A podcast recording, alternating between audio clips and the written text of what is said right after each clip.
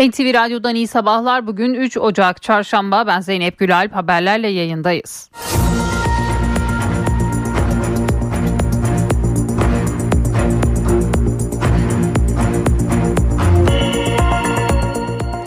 Hablemitoğlu cinayeti şüphelilerinden Nuri Gökhan Bozkır yakalandı. Emniyet Genel Müdürlüğü Necip Hablemitoğlu'nun öldürülmesi olayının şüphelilerinden Nuri Gökhan Bozkır'ın Ankara Emniyet Müdürlüğü Terörle Mücadele Şube Müdürlüğü ve İstihbarat Şube Müdürlüğü tarafından ortaklaşa gerçekleştirilen operasyon sonucu yakalandığını duyurdu. Cumhurbaşkanı Recep Tayyip Erdoğan, Suudi Arabistan'da yaşanan Süper Kupa krizini değerlendirdi. Provokasyon uyarısı yapan Cumhurbaşkanı, nefret söylemleriyle toplumlar hedef alınıyor dedi. Erdoğan, İslam düşmanlığı ve yabancı düşmanlığına varan bir furya ile karşı karşıyayız.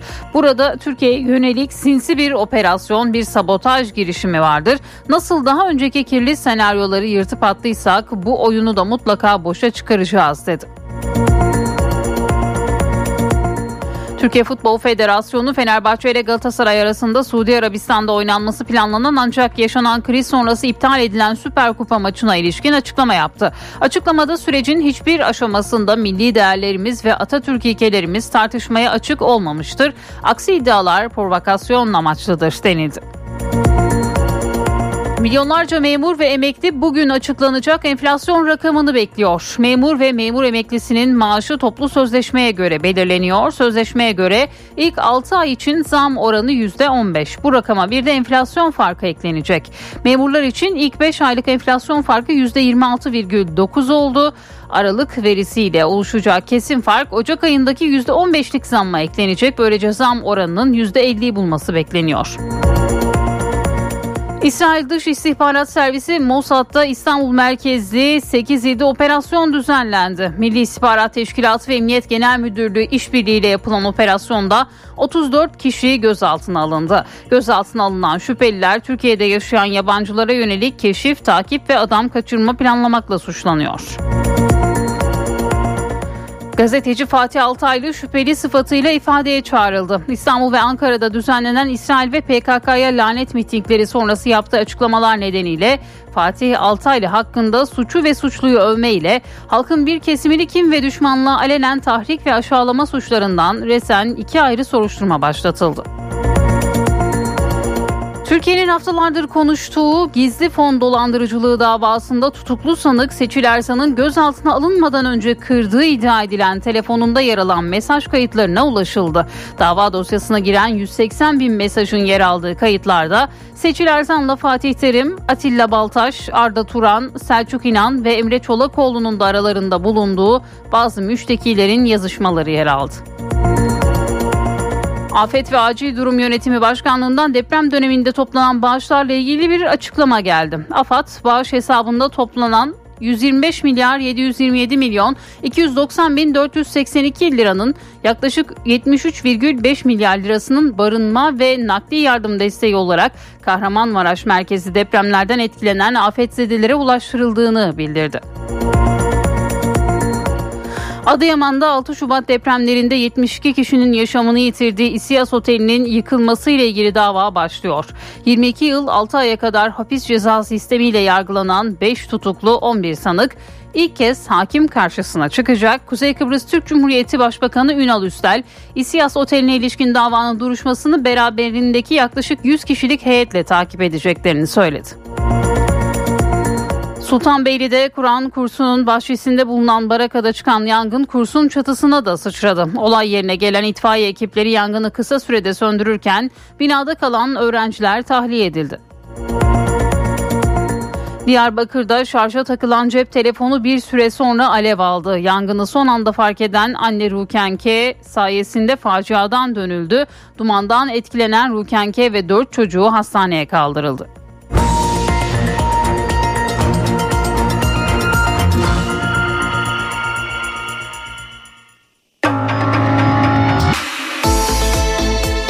İşe giderken gazetelerin gündemi.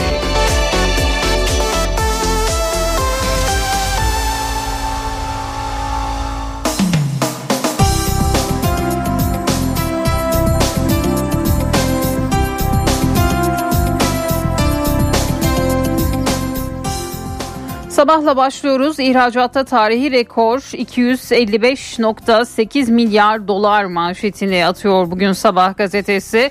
Müjdeyi Cumhurbaşkanı Erdoğan verdi. 2023 yılı ihracatımız geçen yıla göre %0.6 artışla Cumhuriyet tarihimizin rekorunu kırdı. 2024'te 375 milyar doların üstüne çıkacağına inanıyoruz dedi.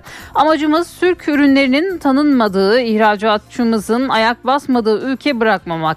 Üretim, istihdam ve büyümeden taviz vermeden enflasyonu tek haneli rakamlara indirmeyi hedefliyoruz.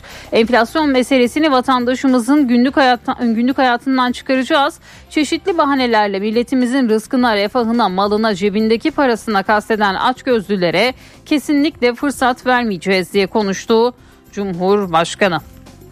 İşçi kıyımının hesabını verecekler. Bir diğer haber HDP'ye kadro açmak için 4500 kişi işten çıkaran CHP'li Mersin Belediyesi'ne soruşturma açıldı. Mağdurların ifadesi alınmaya başlandı deniliyor bugün yine sabahta. Tokyo'da 367 yolcu ölümden döndü. Japonya'da akıl almaz uçak kazası yaşandı. Haneda Havalimanı'nda bir yolcu uçağı yardım uçağıyla çarpıştı. Alev alan yolcu uçağındaki 367 yolcu 90 saniyede tahliye edilirken yardım uçağındaki 5 personel ise öldü diyor bugün sabah gazetesi. Hürriyet'in manşeti bizde 50 bin, Japonya'da 55. Kahramanmaraş'ta 7.7 ve 7.6'lık depremlerde 50 binden fazla insanımızı kaybettik. Japonya'da 7.6'lık depremde 55 kişi öldü. Uzmanlar Japonlardan bin kat fazla kayıp vermemizin nedenlerini anlattı. Japon deprem uzmanı Yoshinori Moriwaki, Türkiye'de yapılar fayların kötü zemininin üzerine kurulmuş. Mevcut yapılar sorunlu, Japonya'da zemin, bina, yapı ruhsatı sıkı kurallara bağlıdır. Binalar güvenli. Anaokulundan itibaren deprem eğitimi veriliyor. Evlerde yaşam üçgenleri oluşturuluyor. Eşyalar sabitleniyor. Okullarda deprem tatbikatı yapılıyor. Türkiye'de bunlar yok dedi. Doçent doktor Bülent Özmen ise Japonya 1923'te 100 bin can kaybına yol açan büyük Kanto depremi sonrası radikal önlemler aldı. Depreme dirençli kentler kurdular, deprem kültürü oluşturdular. Biz Japonya gibi yapmadık. Türkiye imar planlarını gözden geçirmeli, fay üzerine ve çürük zemine yapı izni verilmemeli. Bu kurala tavizsiz uyulursa afetlere karşı 3-0 önde başlarız dedi. Bugün Oya Armutçu imzalı haberde Hürriyet gazetesinin manşetinde yer buldu. Bir diğer başlık Cumhuriyet'in ihracat rekoru yine Cumhurbaşkanı Erdoğan'ın dün ihracata ilişkin yaptığı açıklamalar bu başlıkta yer buluyor. Bir diğer haber ise Mossad ajanları yakalandı başlığıyla.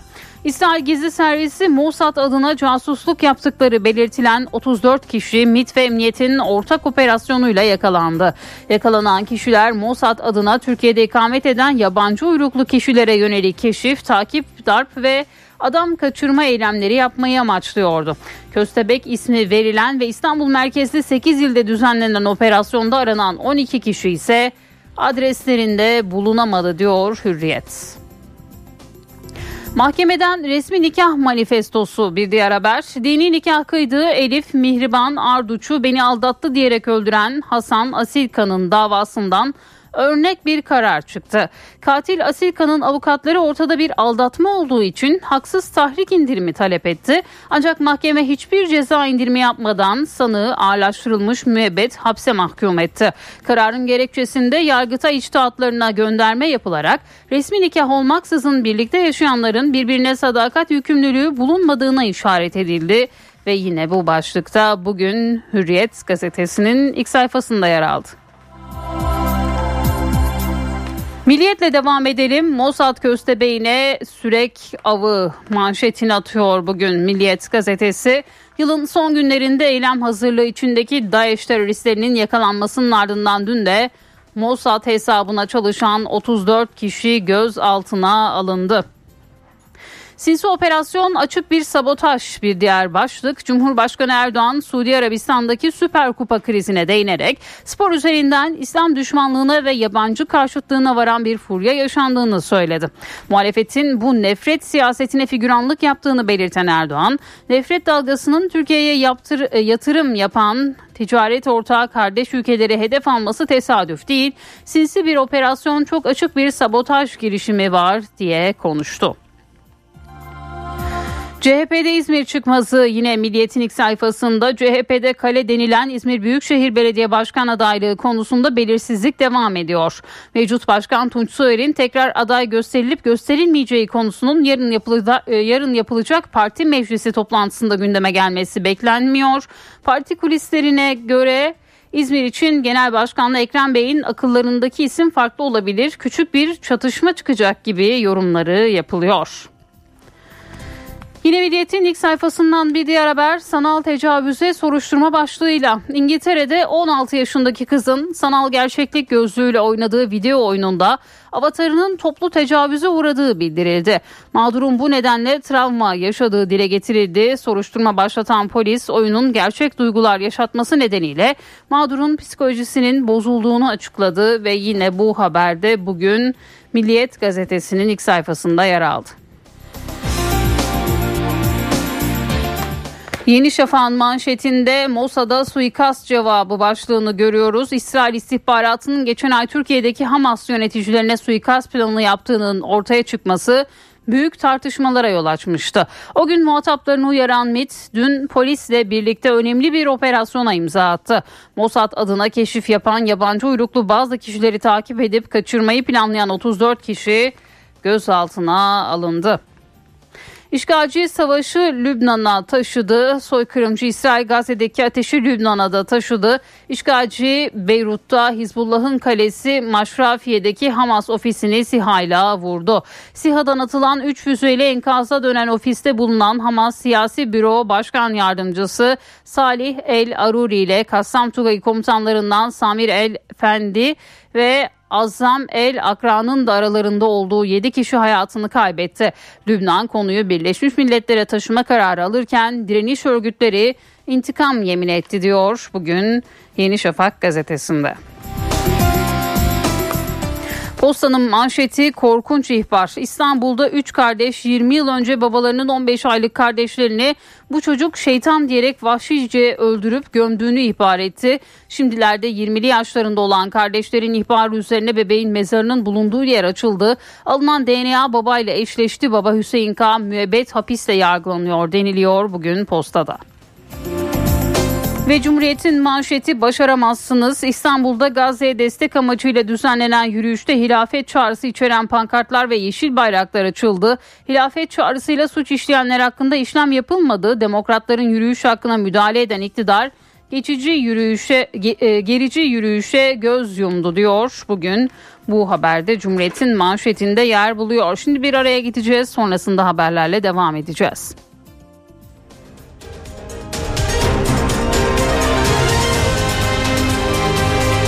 NTV Radyo Titanic Hotels köşedeki kitapçıyı sunar. Merhaba, ben Adnan Bostancıoğlu. Türk edebiyatının ve gazeteciliğinin en üretken, en şöhretli isimlerinden Ahmet Rasim'in Gecelerim isimli kitabı Türkiye İş Bankası Kültür Yayınlarından çıktı. Eseri günümüz Türkçesine Hande Çetin Ongun uyarlamış. Ahmet Rasim 19. yüzyılın sonu ve 20. yüzyılın başında İstanbul'un sokaklarının, semtlerinin, seyyar satıcılarının, gezilip görülecek yerlerinin, yeme içme mekanlarının, adetlerinin, hasılı gündelik hayata dair ne varsa hemen her şeyin kaydını tutmuş bir yazar. Üstelik eşine az rastlanır bir üslupla. Ahmet Rasim 1864 İstanbul doğumlu çapkın ve vefasız bir zat olan babası Bahaeddin Efendi, annesi Ahmet Rasim'e hamileyken başka bir kadın uğruna evi terk etti.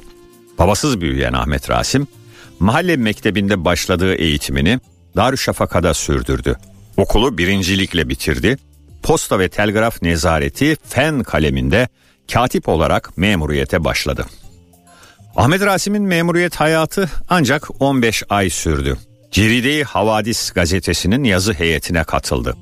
Ama Ahmet Rasim için yazarlık yolunda asıl okul Ahmet Mithat'ın Tercümanı Hakikat gazetesi oldu. Ahmet Mithat, Muallim Naci gibi üstadların yanında yetişti. Sonrası durdurak bilmeyen bir yazarlık hayatı. İktam, Sabah, Tanin ve Tasviri Efkar gibi gazetelerde yazdı. Serveti Fünun dergisinde fen konularındaki yazılarının yanında tefrika halinde romanları yayınlandı. Hatta bir ara Hüseyin Rahmi Gürpınar ile birlikte Boş Boğaz isimli bir mizah dergisi çıkardılar. Bütün bunların yanı sıra Ahmet Rasim okullar için tarih, dil bilgisi, imla ve aritmetik kitapları yazdı. Hikaye ve romanlarından birkaçını hatırlayalım. İlk Sevgi, Bir Sefilinin Evrak-ı Metrukesi, Hafife, Mektep Arkadaşım, Biçare Genç, Hamamcı Ülfet bunlardan bazıları. Ahmet Rasim çocukluğundan ilk gençliğinden başlayarak kalem aldığı hatıralarında kendisinden olduğu kadar hatta daha ziyade İstanbul'dan, yaşadığı dönemin hayat şartlarından, insanlarından, adetlerinden, fikir hayatından bahseder. Çocukluk hatıralarını Falaka ve bugün bahsini ettiğimiz Gecelerim isimli kitaplarında anlatmıştır. Yine otobiyografik sayılabilecek Fuhşi Atik, Muharrir Şair Edip isimli eserleri vardır. Ahmet Rasim'in gazetecilik yıllarında kaleme aldığı denemeleri onun yazarlık hayatının zirvesidir desek yanlış olmaz herhalde. Osmanlı'nın baş şehrinde gündelik hayat kültürünün tarihi olarak da okunabilecek bu eserler başta dört ciltlik şehir mektupları, yanı sıra Eşkali Zaman, Gülüp Ağladıklarım ve Muharrir Buya isimleriyle kitap halinde yayınlanmıştır.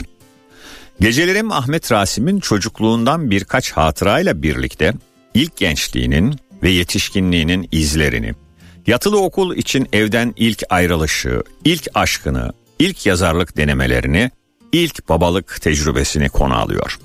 Herkese iyi okumalar, hoşçakalın. Titanic Hotels köşedeki kitapçıyı sundu. Yiğit Akü yol durumunu sunar. Karayolları Genel Müdürlüğü duyurdu. Sivas-Zara yolunun 1-3. kilometrelerinde ve Pinike-Kumluca yolunun 5-6. kilometrelerinde yol bakım ve onarım çalışmaları yapıldığından ulaşım kontrollü olarak sağlanıyor. Sürücüler dikkatli seyretmeli. Yiğit Akü yol durumunu sundu. NTV Radyo, Türkiye'nin haber radyosu.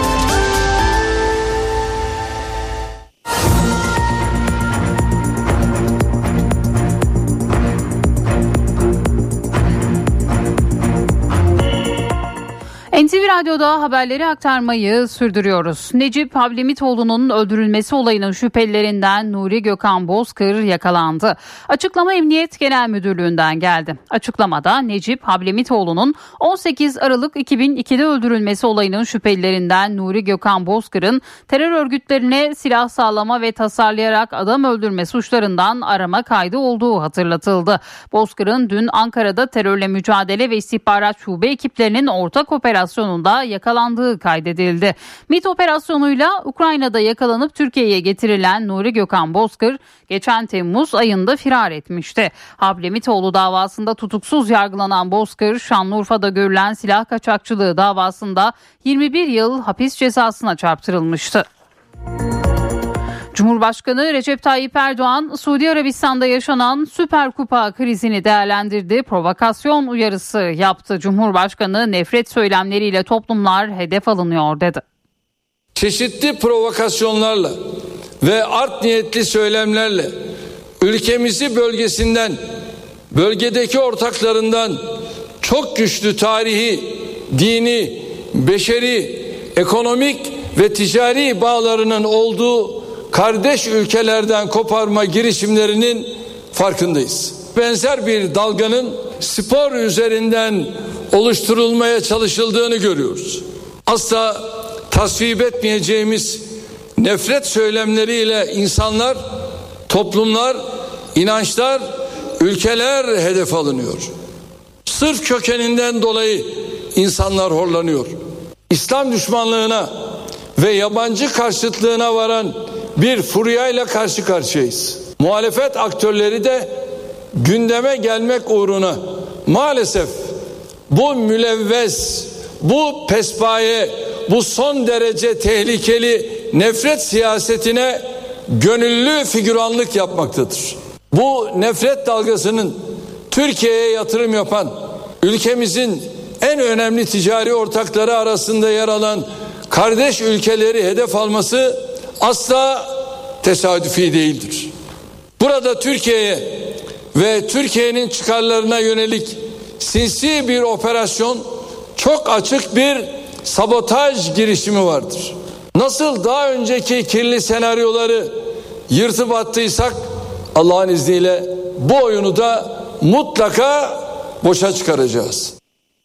Futbol Federasyonu iptal edilen Süper Kupa'nın Riyad'da oynama fikrinin Suudi Arabistan tarafından geldiğini duyurdu. Gündemdeki tartışmalar hakkında yeni bir açıklama yapan federasyon iddialar asılsız ve art niyetli dedi. Siyasetin spora asla karışmaması gerektiğinin altını çizen federasyon Süper Kupa'nın Riyad'da oynanması teklifi federasyonumuza Suudi Medya Kampanya tarafından iletilmiş. Her iki kulübümüzün onayıyla imzaya taşınmıştır. Cumhurbaşkanımızın bu sürece herhangi bir şekilde dahil olduğuna ilişkin bütün iddialar asılsızdır açıklamasını yaptı. Sürecin hiçbir aşamasında milli değerler ve Atatürk ilkelerinin tartışmaya açık olmadığını belirten federasyon, aksi iddialar art niyetli ve milletimizin bütünlüğünü hedef edilen provokasyon amaçlıdır ifadelerini kullandı.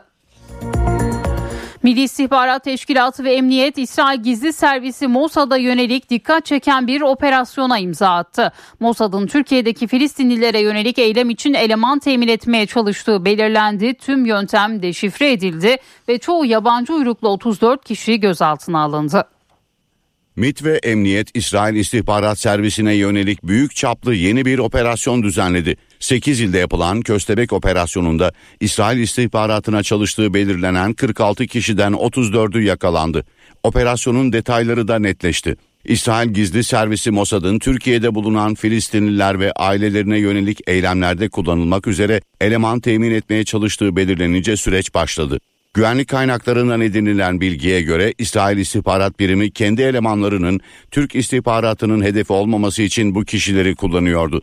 Mossad ajanları sosyal medya ve sohbet gruplarında ya da detayı belirtilmemiş iş ilanlarıyla bu kişilerle iletişime geçiyordu. Uygun bulunmaları halinde İsrail'den gelen özel ekiple gizli haberleşme başta olmak üzere pek çok eğitim veriliyordu. Bilgi toplama, hedeflerin görüntülenmesi ve takibiyle kundaklama, tehdit, şantaj gibi faaliyetlerle birlikte yalan haber yaparak dezenformasyon çalışmaları yürütmeleri isteniyordu. Üstelik bunlarla da sınırlı değil. Irak ve İran sınırından insan kaçakçılığı, bilgisayar korsanı bulunması, güvenli evler temin edilmesi gibi işlerde bu kişilere yaptırılıyordu. İstihbarat elemanlarının yalan makinesi testine tabi tuttukları ve sadece yazışarak iletişime geçtikleri de belirlendi. Yapılan tespitlere göre istihbarat elemanı olan kişilere yüklü miktarda para ödeniyordu. Bunun için illegal bahis ya da kripto para yöntemleri kullanılıyordu. Para yüklü olursa doğrudan elden teslim ediliyor, gümrükte yakalanmamak içinse özel çantalar kullanılıyordu. İsrail İstihbarat Servisi'ne 2021-2023 yılları arasında 3 ayrı operasyon düzenlendi. Bu operasyonlarda 114 kişi yakalandı. Güvenlik kaynakları İsrail İstihbarat Servisi ile bağlantılı kişilere yönelik operasyonların devam edeceği mesajını da verdi. Gazeteci Fatih Altaylı şüpheli sıfatıyla ifadeye çağrıldı. İstanbul Cumhuriyet Başsavcılığı gazeteci Fatih Altaylı hakkında 1 Ocak'ta İstanbul'da düzenlenen Şehitlerimize Rahmet, Filistin'e Destek, İsrail'e Lanet yürüyüşünün ardından İsmail Aydemir'e yumruklu saldırıda bulunan kişi için sosyal medya hesabından yaptığı paylaşım nedeniyle suçu ve suçluyu övme suçundan resen soruşturma başlattı. Diğer yandan Başsavcılıkça Altaylı hakkında video paylaşım platformu üzerinden 24 Aralık 2023'te yayınladığı videoda Ankara'da gerçekleştirilen İsrail ve PKK'ya lanet mitingine katılanlara yönelik kullandığı sözlerden dolayı da e, halkın bir kesimini kim ve düşmanlığa alenen tahrik ve aşağılama suçundan resen ayrı bir soruşturma başlatıldı. Altaylı'nın soruşturmalar kapsamında şüpheli sıfatıyla ifadeye çağrıldığı öğrenildi. Lübnan'ın başkenti Beyrut'un güneyinde Hamas'ın bürosu vuruldu. Drone yapılan saldırıda Hamas'ın iki numaralı ismi Salih Aruri'nin öldürüldüğü açıklandı. Saldırıda öldürülenler arasında Kassam Tugaylarından iki isim de var. Lübnan saldırıların saldırılardan İsrail'i sorumlu tuttu. Gazze'de savaş sürerken Lübnan'ın başkenti Beyrut'tan patlama haberi geldi. Patlama Beyrut'un güneyinde Hizbullah'ın kalesi olarak bilinen Dahi mahallesinde meydana geldi. Lübnan medyası İsrail'in Hamas'ın Beyrut'taki bürosuna drone saldırısı düzenlediğini duyurdu. Saldırıda Hamas'ın iki numarası Salih Aruri öldürüldü. Aruri, Hamas'ın askeri kanadı Kassam Tugaylarının kurucularından biriydi. Ekim 2017'de Hamas'ın Polis Büro Başkan Yardımcılığına getirildi.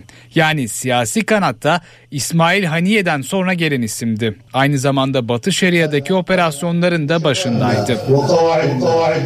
Hamas içinde güçlü ve etkili bir isim olduğu belirtiliyor. Hamas'ın 7 Ekim'de İsrail'e yaptığı saldırının planlanmasında büyük payı olduğu ifade ediliyor askeri kanadın daha militan hale getirilmesinde de rol oynadığı biliniyor.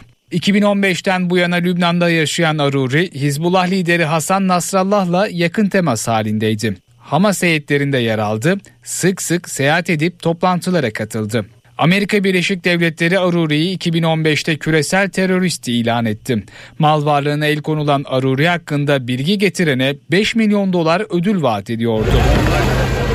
Beyrut'ta bir binanın 3. katına yapılan saldırıda Aruri ile birlikte 5 kişi daha öldü.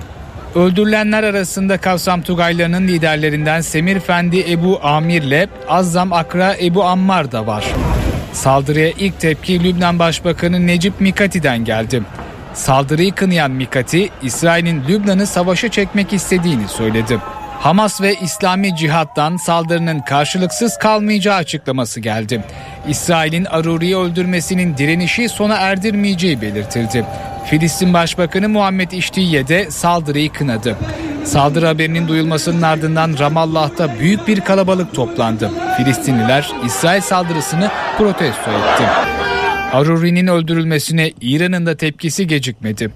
Dışişleri Bakanlığı Sözcüsü Aruri'nin öldürülmesinin İsrail'e karşı direnişi teşvik edeceğini söyledi. İsrail, Hizbullah'tan gelebilecek misilleme saldırısı için alarma geçti. İlk yardım teşkilatına ve güvenlik güçlerine hazır ol talimatı verildi. Amerika Birleşik Devletleri'ne uzanacağız. Şimdi Dışişleri Bakanı Antony Blinken'ın İsrail ziyaretini ertelediği iddia edildi.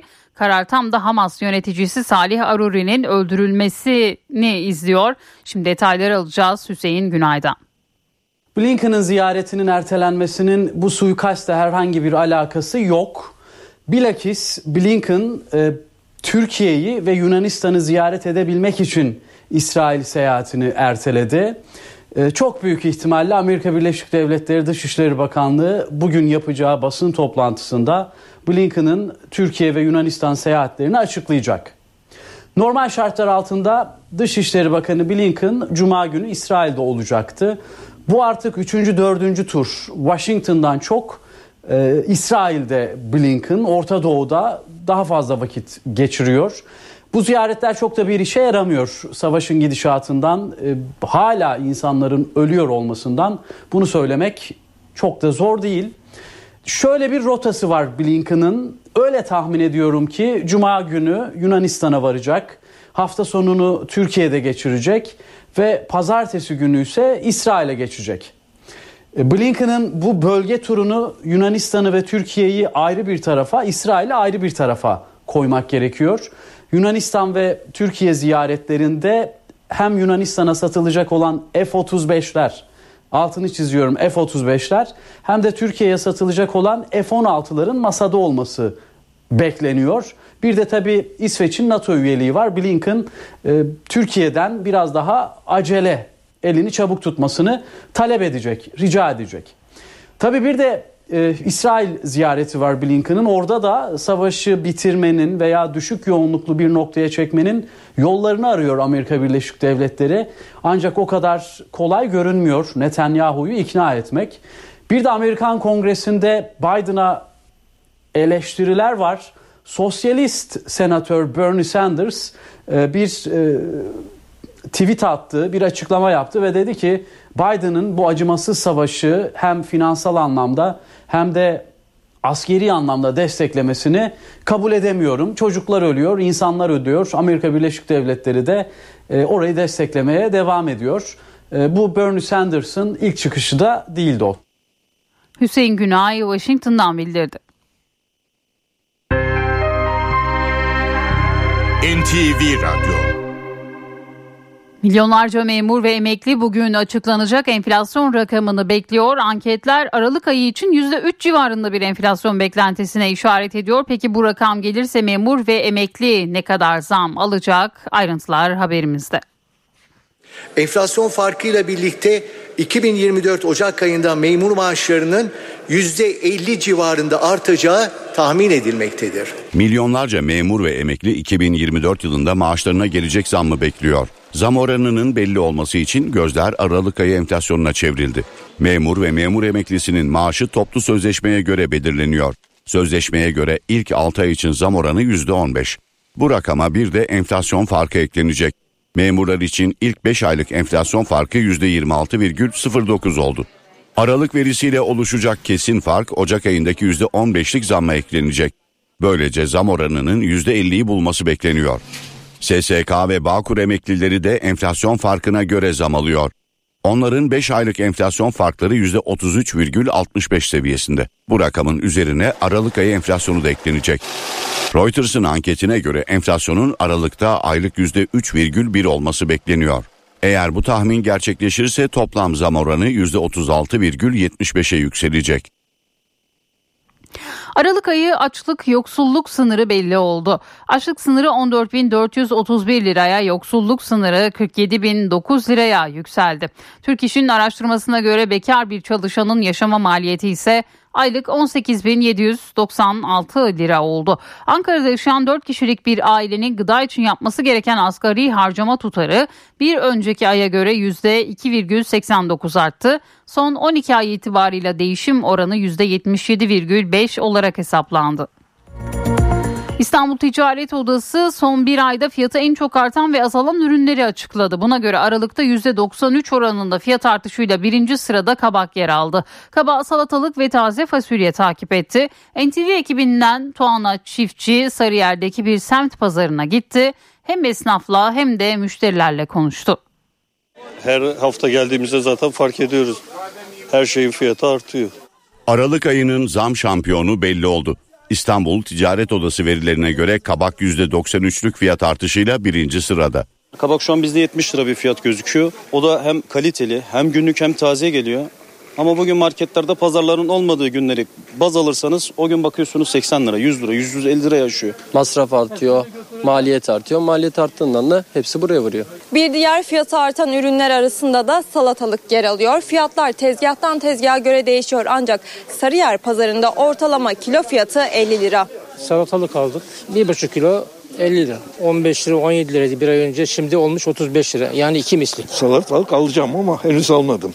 Bakıyorum fiyat pahalı ya ne yapacağım bilmiyorum. Kış sebeplerinden dolayı mevsimi olmayan ürünler kabak, salatalık, fasulye. Kabak 50-60 bandında, e, Çengelköy salatalık 40-50 bandında.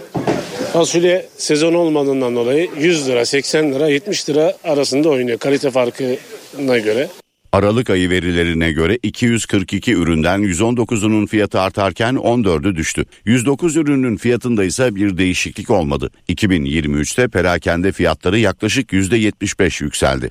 2024'ü e, enflasyonda bir yumuşama yılı olarak e, görebiliriz ama fiyatlar artmaya devam edecek. Bu e, enflasyon e, oluyor dediğimiz anda zaten biz e, fiyat artışına devam ediyoruz demektir.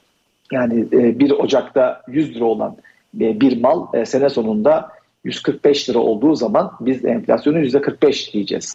Portakalsa %13'lük düşüşle fiyatı en çok gerileyen ürünler arasında. Yerel seçimlere artık sayılı zaman kaldı. AK Parti'de seçim çalışmalarına hız verildi. MHP ile komisyon görüşmelerini ve temayül yoklamalarını tamamlayan AK Parti'de aday tespit komisyonu Cumhurbaşkanı Erdoğan başkanlığında toplandı. AK Parti'de belediye başkan adaylarının belirlenmesi için kritik bir toplantı yapıldı. Cumhurbaşkanı Recep Tayyip Erdoğan'ın başkanlığında aday tespit komisyonu üyeleri bir araya geldi. Anketlerde kazanma ihtimali olan ve memnuniyet oranı yüksek olan bazı şehirlerin mevcut belediye başkanlarının devamına karar verildi. MHP ile yapılan 13. komisyon toplantısının detayları da netleşti. İki parti 30 büyük şehirde ittifak yapacak. Büyükşehir statüsü olmayıp AK Parti'nin aday göstereceği, MHP'nin de o adayı destekleyeceği iller Adıyaman, Ağrı, Ardahan, Artvin, Batman, Bilecik, Bingöl, Bitlis, Burdur, Çanakkale, Çorum, Edirne, Giresun, Hakkari, Iğdır, Kırşehir, Muş, Rize, Siirt, Sinop, Şırnak, Tunceli, Yalova ve Zonguldak olacak. AK Parti ve MHP'nin 22 şehirde kendi adaylarıyla seçime girmesi bekleniyor. O şehirlerse Afyonkarahisar, Aksaray, Amasya, Bayburt, Bolu, Çankırı, Düzce, Elazığ, Gümüşhane, Isparta, Karabük, Karaman, Kastamonu, Kırıkkale, Kilis, Kütahya, Nevşehir, Niğde, Sivas, Tokat, Uşak ve Yozgat olarak sıralanıyor. AK Parti Bartın, Erzincan, Kars, Kırklareli ve Osmaniye'de de aday göstermeyip MHP'yi destekleyecek. İki parti arasındaki işbirliğinin Erdoğan-Bahçeli görüşmesinde kesinleştirilmesi bekleniyor. Recep Tayyip Erdoğan. Ve seçim beyannamesi. AK Parti, Türkiye bilir, gerçek belediyecilik AK Parti'dir sloganıyla sahaya inecek. Özellikle kentsel dönüşüm sürecinin hızlandırılması vaatler arasında yer alacak. 15 Ocak'ta adayların ve seçim beyannamesinin açıklanması için hazırlıklar sürüyor. 31 Mart'ta yapılacak yerel seçim için takvim işlemeye başladı. Seçime 36 parti katılabilecek açıklamayı Yüksek Seçim Kurulu yaptı. 1 Ocak 2024 tarihi itibariyle seçim takvimimiz başlamıştır. Yerel seçime 3 ay kala takvim işlemeye başladı. Yüksek Seçim Kurulu da seçime katılabilecek partileri belirledi. 36 siyasi partimizin katılmaya hak kazandığı kurulumuzun bugünkü toplantısında tespit edilmiştir. Seçimlere katılma hakkı bulunan siyasi partiler arasında Türkiye Büyük Millet Meclisi'nde grubu bulunan AK Parti, CHP, Halkların Eşitlik ve Demokrasi Partisi, MHP, İyi Parti ve Saadet Partisi de bulunuyor. Siyasi partilerin oy pusulasındaki yerleri ise 27 Ocak tarihinde kura ile belirlenecek. Seçim takvimine göre seçmen listeleri 4 Ocak'ta askıya çıkacak. Partiler aday listelerini 31 Ocak'a kadar YSK'ya teslim edecek. Kesin aday listesi 3 Mart'ta ilan edilecek. 4 Mart'ta sandık kurullarının oluşum işlemleri tamamlanacak. 24 Mart'ta seçmen bilgi kağıtlarının dağıtımı yapılacak. Cumhuriyet Halk Partisi'nde 31 Mart yerel seçimleri için gözler yarın yapılacak toplantılara çevrildi. MYK ve parti meclisi toplantılarında 150'ye yakın başkan adayının netleştirilmesi bekleniyor. İzmir adayı içinse çalışmalar sürüyor. Yaklaşan yerel seçimler öncesi adaylarını belirlemeye çalışan CHP'de gözler Perşembe günü yapılacak kritik toplantılara çevrildi. Merkez Yönetim Kurulu ve Parti Meclisi toplantılarında aralarında bazı büyükşehir, il ve önemli ilçelerinde olduğu 150'ye yakın seçim bölgesinde başkan adaylarının netleştirilmesi bekleniyor. Daha önce İstanbul ve Ankara dahil 7'si büyükşehir, 353 seçim çevresinde adaylarını açıklayan CHP'de aralarında İzmir'in olduğu diğer büyükşehir adaylarının kim olacağı sorusu yanıtını arıyor. Adaylarla ilgili yoğun anket çalışmaları yaptıran CHP'de örgüt yoklamaları ve milletvekillerinin saha çalışmaları da masada olacak. Adana, Mersin, Hatay ve Aydın gibi büyük şehirlerle ilgili çalışmaların tamamlandığı belirtilirken İzmir içinse daha hassas bir çalışma yürütülüyor. CHP yönetimi tarafından İzmir'de 60'a yakın milletvekili ve parti meclisi üyeleri görevlendirilmişti. Milletvekillerinin raporlarını tamamladığı ve genel merkeze teslim ettiği belirtiliyor. İzmir adayının açıklanmasında aceleci davranılmayacağı söyleniyor. İstanbul Büyükşehir Belediye Başkanı Ekrem İmamoğlu 5 Ocak'ta ilçe adayları ile ilgili tanıtım toplantısı yapmaya hazırlanıyor. O toplantı öncesi parti meclisinde Eyüp Sultan, Üsküdar, Tuzla, Sancaktepe, Fatih, Bahçeli Evler gibi 23 ilçenin adaylarının da netleştirilmesi bekleniyor. Cumhuriyet Halk Partisi'nde yerel seçim çalışmaları sürerken önemli bir görüşme de gerçekleşti. CHP Genel Başkanı Özel, Saadet Partisi Genel Başkanı Temel Karamollaoğlu ile bir araya geldi. CHP Genel Merkezi'ndeki görüşmede yerel seçim çalışmalarının da ele alındığı belirtiliyor. Japonya'yı pazartesi günü vuran 7,6 büyüklüğündeki depremde ölenlerin sayısı 62'ye yükseldi. 2016'dan bu yana yaşanan en ölümcül depremin ardından geride büyük hasar kaldı. Enkaz bölgelerinde arama kurtarma çalışması sürüyor. Can kaybının artmasından endişe ediliyor. Yıkılan evler, parçalanan yollar, binaların altında ezilen araçlar. Depremin merkez üssü Ishikawa'da hasar büyük. Yeni yılın ilk gününde depremle sarsılan bölgede çok sayıda bina yıkıldı. Deprem veya sonrasında çıkan yangınlar nedeniyle yüzlerce ev yok oldu. Sarsıntının şiddetiyle yollarda çatlaklar meydana geldi. Depremin ardından yüksekliği 1 metreyi bulan tsunami dalgaları Japonya'nın batı kıyılarını vurdu. Kıyı bölgelerde yaşayanların bazıları daha yüksek yerlere kaçtı. 57 binden fazla kişi tahliye edildi. On binlerce eve hala elektrik verilemiyor. Enkaz altında kalanların kurtarılması için zamana karşı yarış sürüyor. Ordu, itfaiye ve polisten oluşan 3000 kişilik kurtarma ekibi enkaz bölgelerinde seferber olmuş durumda. Ekiplerin zarar gören yollar nedeniyle özellikle kıyı kesimindeki Noto Yarımadası'nın kuzey ucuna ulaşmakta zorlandığı bildirildi.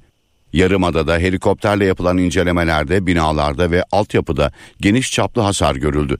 Bölgede kurtarılmayı bekleyen kişiler olduğu açıklandı. Afet bölgesine birçok demiryolu hizmeti ve uçuş askıya alındı. Pistteki çatlaklar ve terminal binasındaki hasar nedeniyle kapatılan Noto Havalimanı'nda 500'den fazla kişi mahsur kaldı. Pazartesiden bu yana 200'den fazla artçı sarsıntı kaydedildi. Hükümet yaklaşık bir hafta boyunca büyüklüğü 7'ye kadar ulaşan depremler olabileceği konusunda uyardı. Deprem Japonya'da 2016'dan bu yana yaşanan en ölümcül deprem olarak kayıtlara geçti. 2016 yılında meydana gelen 7,3 büyüklüğündeki depremde 220'den fazla kişi hayatını kaybetmişti. Uzmanlara göre Japonya bu büyük depremi olabilecek en az hasarla atlattı. Profesör Doktor Naci Görür depreme dayanıklı binaların yanı sıra depreme dayanıklı kentlerin yapılması gerektiğine vurgu yaptı.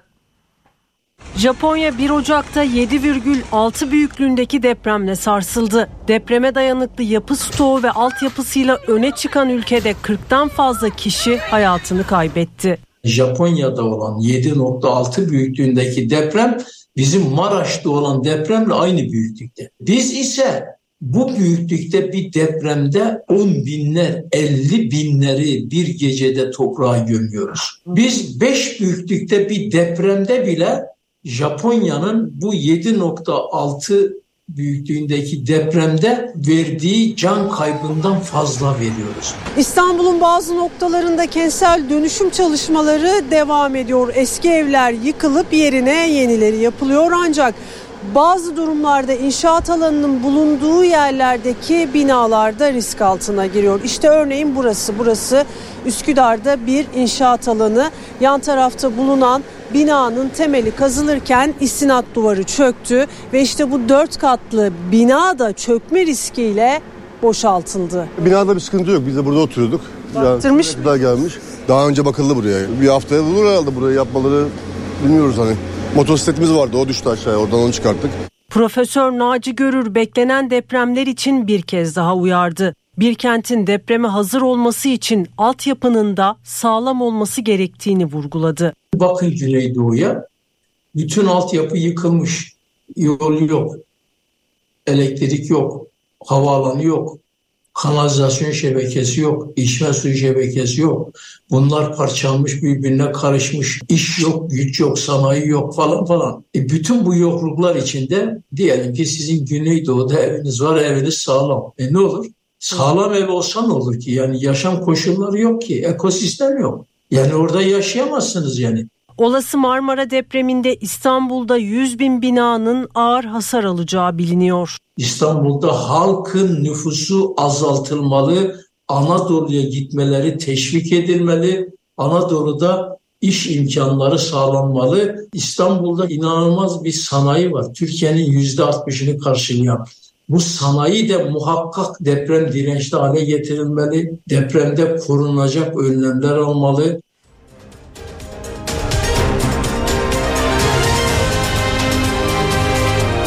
NTV Radyo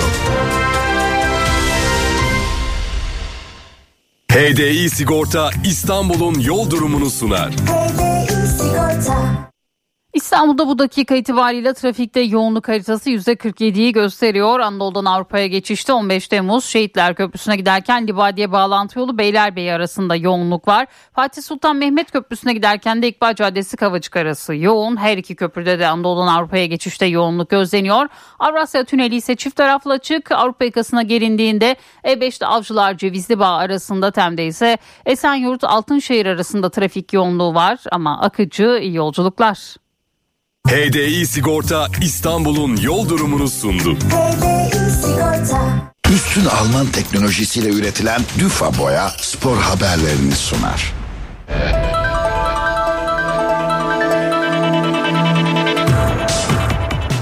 Türkiye Futbol Federasyonu iptal edilen Süper Kupa'nın Riyad'da oynama fikrinin Suudi Arabistan tarafından geldiğini duyurdu. Gündemdeki tartışmalar hakkında yeni bir açıklama yapan federasyon, iddialar asılsız ve art niyetli dedi. Siyasetin spora asla karışmaması gerektiğinin altını çizen federasyon, Cumhurbaşkanımızın bu sürece herhangi bir şekilde dahil olduğuna ilişkin bütün iddialar asılsızdır açıklamasını yaptı. Federasyon sürecin hiçbir aşamasında milli değerler ve Atatürk ilkelerinin tartışmaya açık olmadığını da belirtti. Rıza Çalınbay'la yollarını ayırdıktan sonra yeni teknik direktörünü arayan Beşiktaş'ta öne çıkan son aday Giovanni van Bronckhorst. Hollandalı çalıştırıcıyla temasa geçen yönetim 48 yaşındaki teknik direktöre bir buçuk yıllık sözleşme teklif etti. Anlaşma sağlanması halinde İstanbul'a gelecek olan Van Bronckhorst, Cuma günü Kasımpaşa ile oynanacak maçı tribünden izleyecek. Galatasaray sezon başında kiraladığı isimlere erken veda etmeyi planlıyor. Sarı Kırmızılılarda yolların ayrılabileceği isimlere Ziyech de eklendi. Yönetim Chelsea'den bedelsiz olarak kiraladığı faslı futbolcuyla gösterdiği istikrarsız performans ve son dönemdeki uyumsuz tavırları nedeniyle yollarını ayırmayı düşünüyor. Galatasaray beklentilerin altında kalan Angelinho'ya da kesin olarak veda edecek. Sarı Kırmızılar orta sahaya istediği takviyeleri yapması halinde Tottenham'dan kiralanan Endombele ile de ayrılık görüşmeleri başlayacak. Trendyol Süper Lig'de kış transfer dönemi 11 Ocak'ta başlayıp 9 Şubat'ta sona erecek. Fenerbahçe'de transfer çalışmaları hız kazandı. Fenerbahçe sezon başında kadrosuna katmaya çalıştığı Rade Krunic için ısrarını sürdürüyor. Milan'la yaptığı yeni sözleşme görüşmelerinden sonuç çıkmayan Bosna Hersek'te orta saha Fenerbahçe'ye gelmeye sıcak bakıyor. Gündemdeki diğer yıldızsa Stefan Savic. Yönetim oyuncunun temsilcisiyle temas halinde. Fenerbahçe, Batshuayi ve Kent'in takımdan ayrılması halinde hücum hattına da takviye yapacak. Arda Güler bugün ilk kez Real Madrid formasını giyebilir. Milli futbolcu Mallorca maçının kadrosunda yer aldı. Teknik direktör Carlo Ancelotti, önemli olan onun iyileşmesi. Yavaş yavaş en iyi seviyeye ulaşıyor. Çok genç bir oyuncu. Acele etmemeliyiz. Bizimle oynamak için bol bol zamanı olacak. Ona süre vermeye çalışacağım. Vermezsem başka maça çıkar, dedi. Fenerbahçe Beko'nun Sarunas Yasikevicius döneminde galibiyet serisi sona erdi. Euroleague'de Kızıl Yıldız'a 85-76 yenilen Sırlaçvertliler 4 maç sonra mağlup oldu. Yasikevicius yönetiminde ilk yenilgisini alan Fenerbahçe Beko yarın Maccabi Tel Aviv ile Litvanya'da karşılaşacak. Turnuvadaki diğer temsilcimiz Anadolu Efes'e Euroleague'de çıkış arıyor. Son 4 maçını kaybeden Erdem Can'ın ekibi Valencia'ya konuk olacak. İspanya'daki mücadele saat 21.30'da başlayacak. Dayanıklı, kolay sürülen, kapatıcılığı yüksek Düfa Boya spor haberlerini sundu.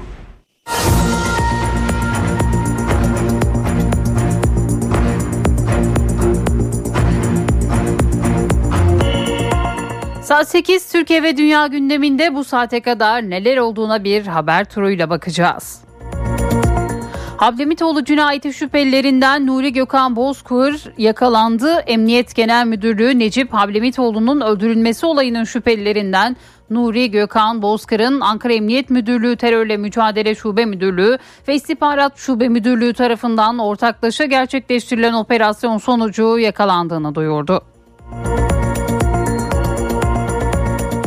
Cumhurbaşkanı Recep Tayyip Erdoğan Suudi Arabistan'da yaşanan Süper Kupa krizini değerlendirdi. Provokasyon uyarısı yaptı. Cumhurbaşkanı nefret söylemleriyle toplumlar hedef alınıyor dedi.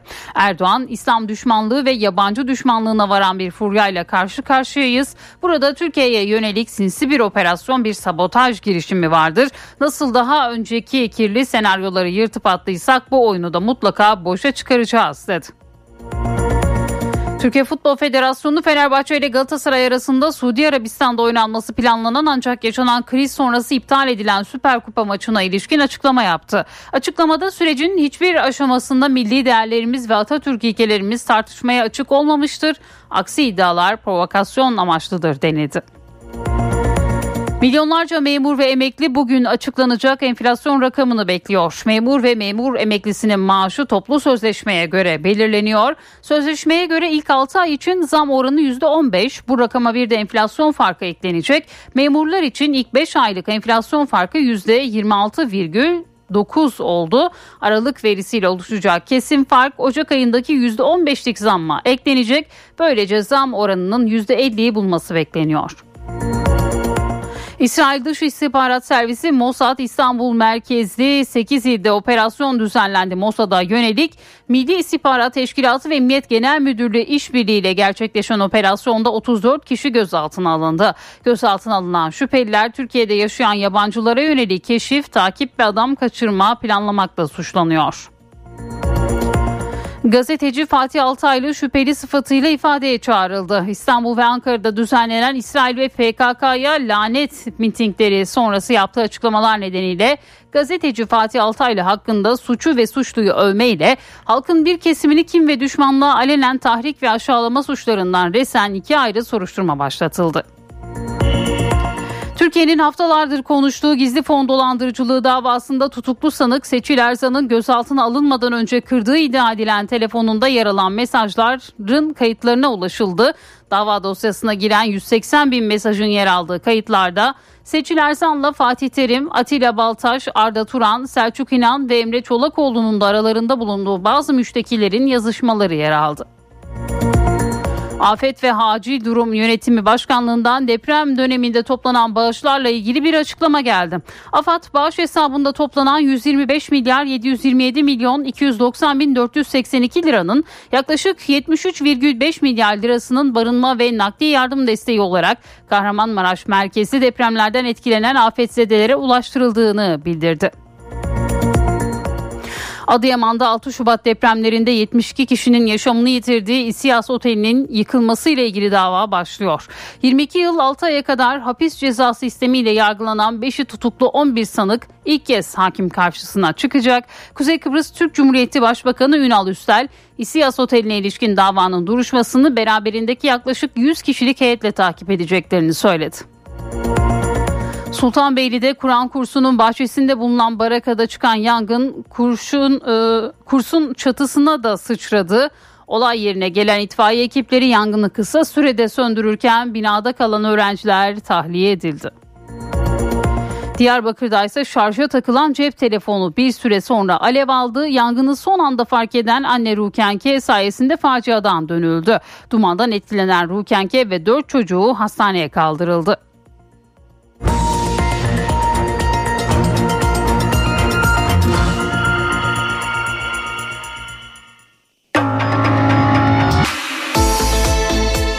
İşe giderken gazetelerin gündemi.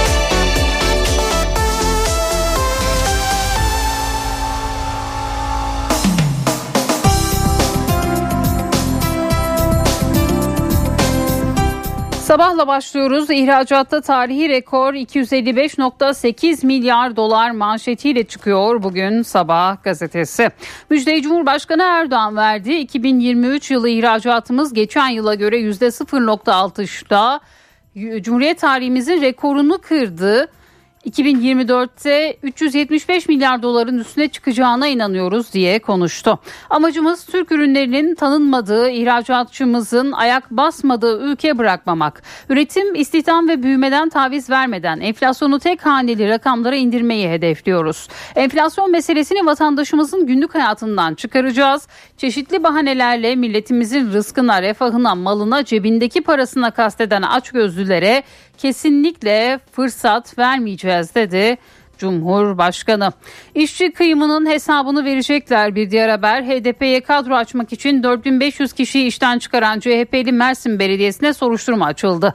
Mağdurların ifadesi alınmaya başlandı deniliyor sabah gazetesinde. Tokyo'da 367 yolcu ölümden de öldü. Ee, Japonya'da akıl almaz uçak kazası yaşandı. Haneda Havalimanı'nda bir yolcu uçağı yardım uçağıyla çarpıştı. Alev alan yolcu uçağındaki 367 yolcu 90 saniyede tahliye edilirken yardım uçağındaki 5 personel öldü diyor bugün Sabah gazetesi. Gripten korunmanın yolları bir diğer başlık. Son günlerde hastanelerin acil servisleri grip vakalarıyla dolup taşıyor. İşte salgından korunmanın şifreleri. El hijyeni, doğal beslenme, bol sıvı, taze meyve, sebze, düzenli uyku. Aynı zamanda adaçayı, ıhlamur, zencefil gibi bitki çayları diyor bugün sabah gazetesi. Hürriyet'in manşetinde bizde 50 bin, Japonya'da 55 başlığını görüyoruz. Kahramanmaraş'ta 7.7 ve 7.6'lık depremlerde 50 binden fazla insanımızı kaybettik. Japonya'da 7.6'lık depremde 55 kişi öldü.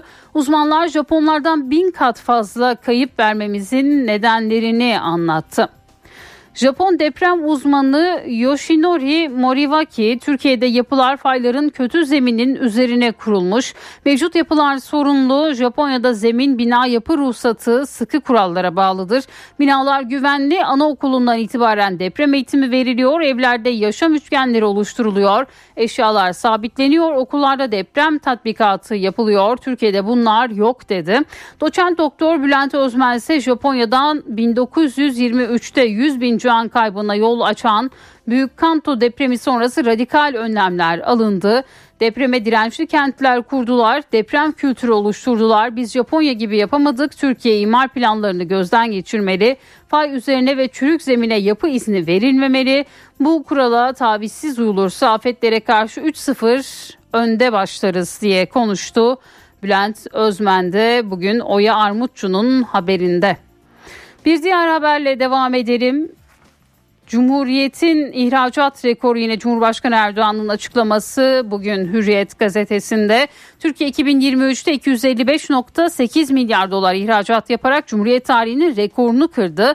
İhracat bir önceki yıla göre %0.6 arttı. İşte Cumhurbaşkanı Erdoğan'ın açıkladığı ihracat rakamları. Türkiye'de ihracat yapmayan şehir kalmadı. 1 milyar doların üzerinde ihracat yapan il sayısı 5'ten 30'a yükseldi. İstanbul 59.4 milyar dolar dolarlık ihracatla birinci. Onu Kocaeli, İzmir, Bursa ve Tekirdağ izliyor. En büyük ticaret ortağı Avrupa Birliği'ne yapılan ihracat 104.3 milyar dolara yükseldi diyor bugün Hürriyet gazetesi.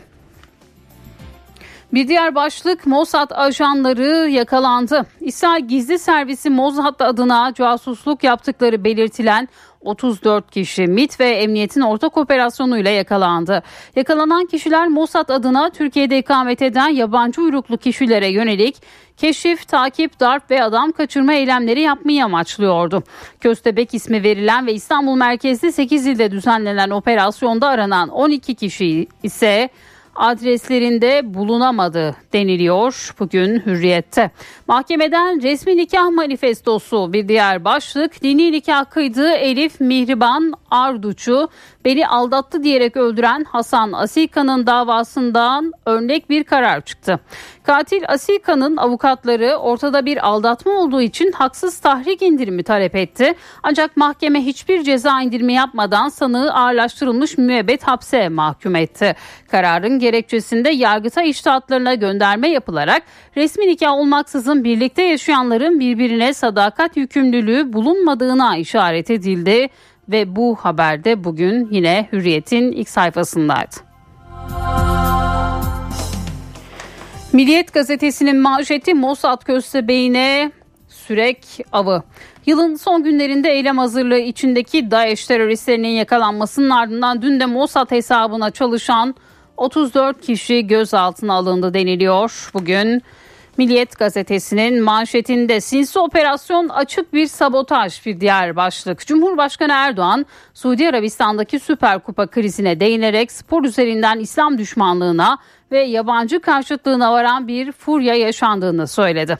Muhalefetin bu nefret siyasetine figüranlık yaptığını belirten Erdoğan, nefret dalgasının Türkiye'ye yatırım yapan ticaret ortağı kardeş ülkeleri hedef alması tesadüf değil, sinsi bir operasyon çok açık bir sabotaj girişimi var diye konuştu.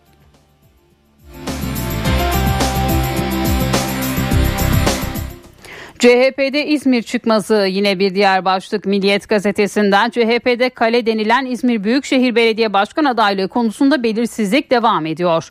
Mevcut Başkan Tunç Soyer'in tekrar aday gösterilip gösterilmeyeceği konusunun yarın yapılacak Parti meclisi toplantısında gündeme gelmesi beklenmiyor. Parti kulislerinde İzmir için Genel Başkanla Ekrem Bey'in akıllarındaki isim farklı olabilir. Küçük bir çatışma çıkacak gibi yorumları yapılıyor. Bir diğer başlık sanal tecavüze soruşturma yine Milliyet gazetesinden. İngiltere'de 16 yaşındaki kızın sanal gerçeklik gözlüğüyle oynadığı video oyununda avatarının toplu tecavüze uğradığı bildirildi. Mağdurun bu nedenle travma yaşadığı dile getirildi. Soruşturma başlatan polis oyunun gerçek duygular yaşatması nedeniyle mağdurun psikolojisinin bozulduğunu açıkladı diyor bugün Milliyet. İlmek ilmek şifa bulun bir diğer başlık örgü örmek ve tığ işinin şifa kaynağı olduğunu söyleyen İngiliz psikolog Sahra O'Doherty Tekrarlanan hareketlerle meşgul olduğumuzda bedenimiz ve zihnimiz sakinleşiyor. Bu işleri yaparken kalp atışımız ve nefesimiz eşitleniyor, kan basıncımız düşüyor dedi.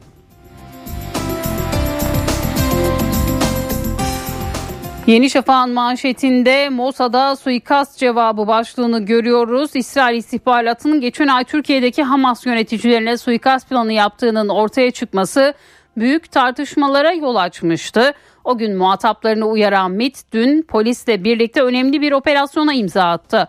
Mossad adına keşif yapan yabancı uyruklu bazı kişileri takip edip kaçırmayı planlayan 34 kişi gözaltına alındı deniliyor Yeni Şafak gazetesinde. İşgalci savaşı Lübnan'a da taşıdı. Soykırımcı İsrail Gazze'deki ateşi Lübnan'a da taşıdı. İşgalci Beyrut'ta Hizbullah'ın kalesi Maşrafiye'deki Hamas ofisini SİHA ile vurdu. SİHA'dan atılan 3 füze ile enkaza dönen ofiste bulunan Hamas Siyasi Büro Başkan Yardımcısı Salih El Aruri ile Kassam Tugay komutanlarından Samir Elfendi ve Azam El Akra'nın da aralarında olduğu 7 kişi hayatını kaybetti. Lübnan konuyu Birleşmiş Milletler'e taşıma kararı alırken direniş örgütleri intikam yemin etti diyor. Bugün bu haberde yine Yeni Şafak gazetesinin ilk sayfasında yer buluyor.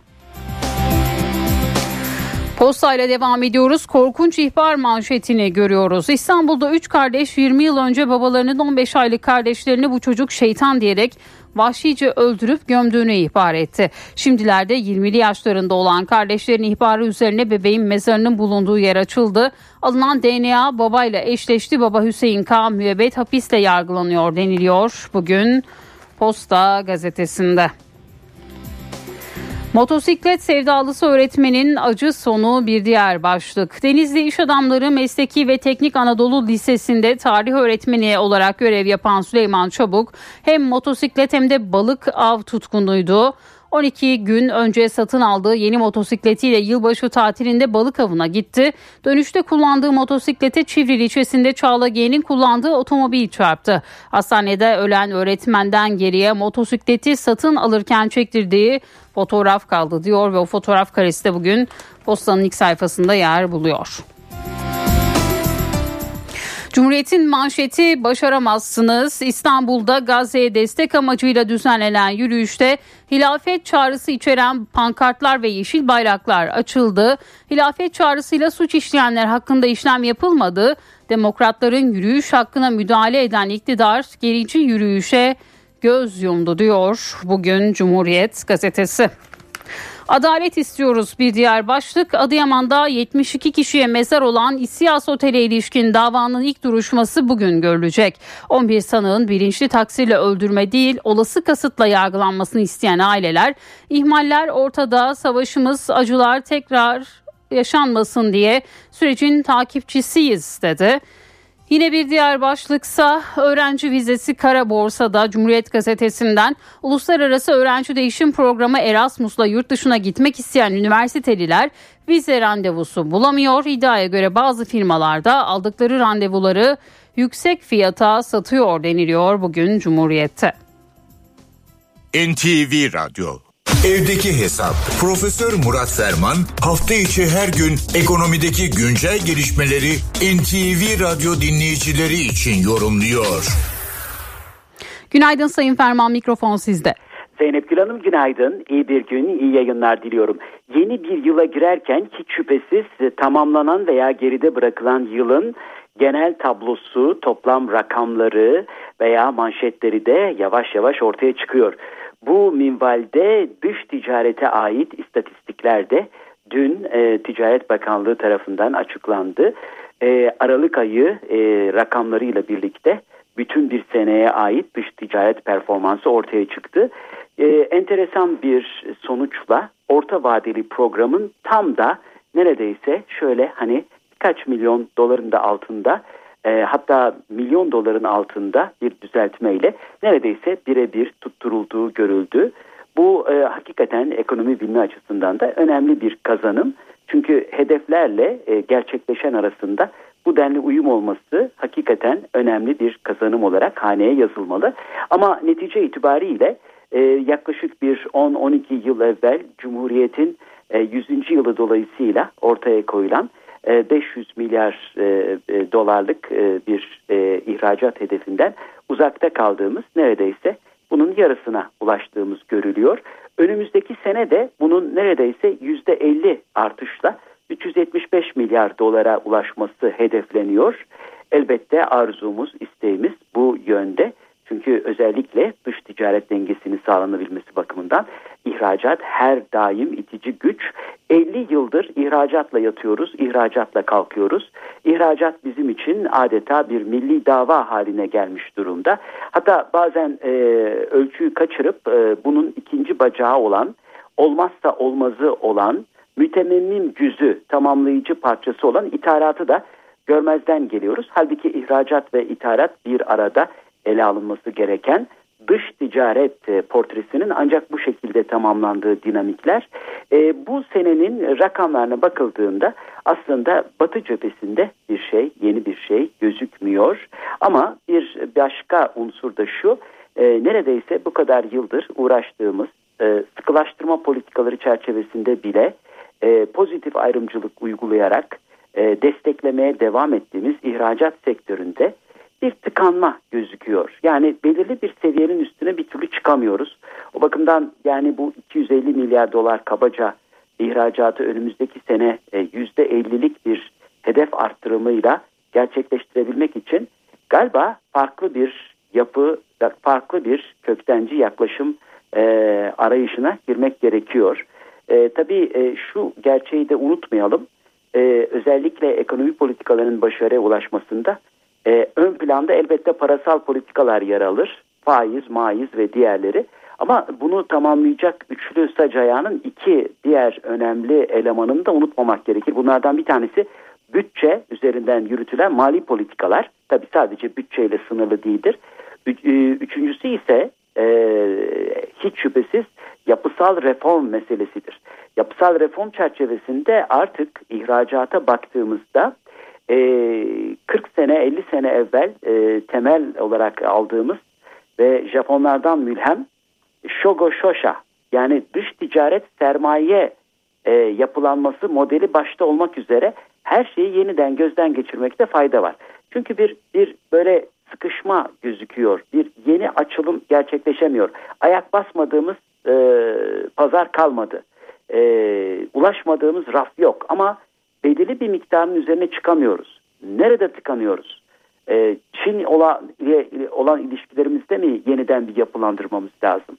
Yani e, baktığımız zaman geleneksel ihracat pazarlarımız, geleneksel ithalat pazarlarımızda hiçbir değişiklik yok. Bir statik durum söz konusu. Tabii bu çerçevede yapısal reformlar içerisinde olmak gereken en önemli unsurlardan bir tanesi artık neredeyse kangren haline gelmiş olan gümrük birliğinin yeniden revize edilmesi. Ee, 1995 yılında imzalanmış. 1 Ocak 1996'da devreye girmiş. Ee, işlenmiş tarım ürünleriyle sanayi ürünlerini kapsıyor. Hizmet yok. Halbuki hizmet bu sene ilk defa çok güzel bir gelişme. Ee, neredeyse ihracatın içerisinde yüzde 40'ın üstüne çıktı. 100 milyar dolara yaklaştı. Hizmetlerin önünü açmamız lazım. E-ticaretin önünü açmamız lazım. E-ticarette de denge tersine dönüyor. O kadar pahalılaştı ki içerideki kaynaklar dışarıya doğru dışarıdan e, sipariş e, e, e-ticaretin dışarı kaynaklara yani ithalata yönelmesi konusunda önemli eğilimler görülüyor. Evet e, bir takım kısıtlar getiriliyor ama bu kısıtlarla başa çıkmak mümkün değil. Unutmayalım Amerika Birleşik Devletleri bile 758 milyarlık 780 milyarlık daha doğrusu e, ticaret hacmi olan Çin'le e, Çin'le e, 550 milyar dolar e, ithalat yapıyor. Sadece 155 milyar dolarlık ihracat yapıyor. Yani Türkiye'de durum daha da e, ciddi. Yani Çin'le olan ilişkilerimizde başta olmak üzere e, her şeye tekrar böyle köktenci bir yaklaşımla vaziyet etmemiz lazım. Tıpkı turizm sektöründe her şey dahil gibi ezberlenmiş 40 yıldır suyu çıkartılmış e, planlara, programlara yeniden bakmak gibi. Evet, ihracatta yeniden derlenip toparlanma, taze bakışlarla duruma yaklaşma zamanıdır. Bu konuda da önemli çalışmalar var. Önümüzdeki günlerde İngiltere ile yapılacak serbest ticaret anlaşması gümrük birliği revizyonu ile birlikte diğer serbest ticaret anlaşmalarının da önünü açmalı. Mesela Tayland üzerinden ASEAN ülkelerine açılma veya Güney Kore ile olan serbest ticaret anlaşmamızı yeniden gözden geçirme. İşte gerçek gündem bu olmalı ve selam. Bu genel bilgi paylaşımı ve değerlendirme çerçevesinde değerli dinleyenlerimize katma değeri yüksek ve yüksek katma değerli bir gün diliyor. Huzurlarınızdan hürmetlerle ayrılıyorum. Profesör Murat Ferman'la evdeki hesap sona erdi. Kaçırdığınız bölümleri www.ntvradio.com.tr adresinden dinleyebilirsiniz. Dünya markası Bras çatı sistemleri finans bültenini sunar.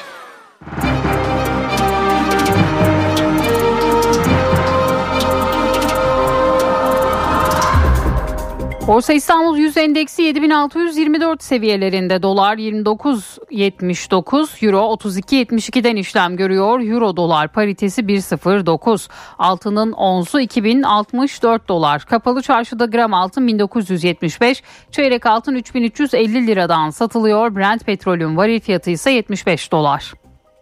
Dünya markası Bras çatı sistemleri finans bültenini sundu. NTV Radyo Benzersiz duvarlar artık hayal değil. Sandeko Boya hava durumunu sunar.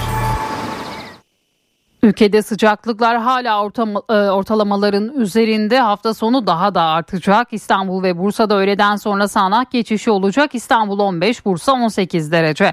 Ankara bulutlu 12 derece. Perşembe yağmur var. İzmir yine bulutlu. Ödemiş tarafı hafif yağmurlu 19 derece.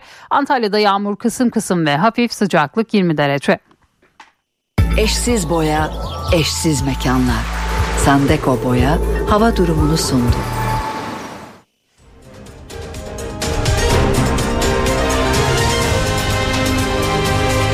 NTV Radyo.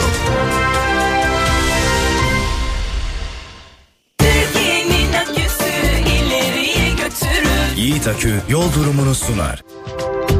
Karayolları Genel Müdürlüğü duyurdu.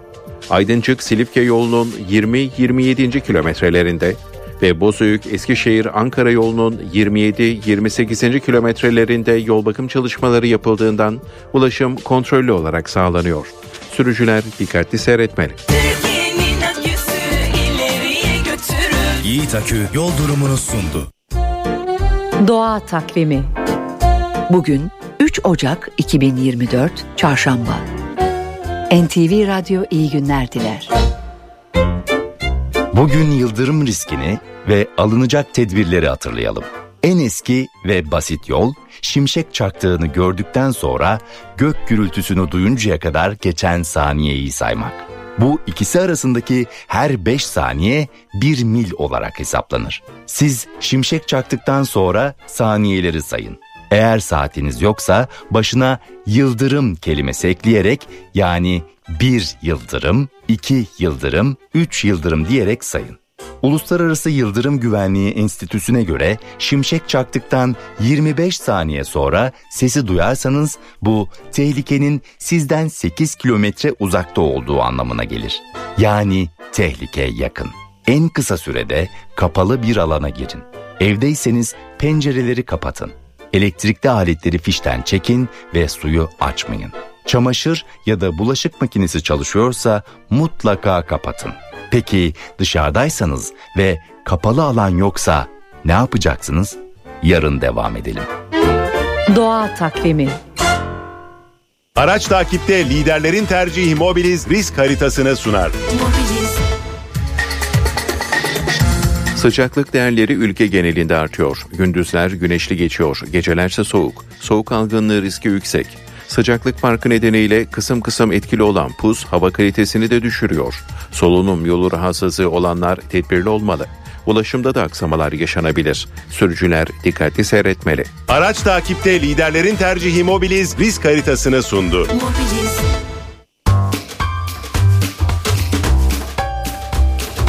NTV Radyo ile ilgili soru ve görüşlerinizi ntvradio.com.tr adresine yazın.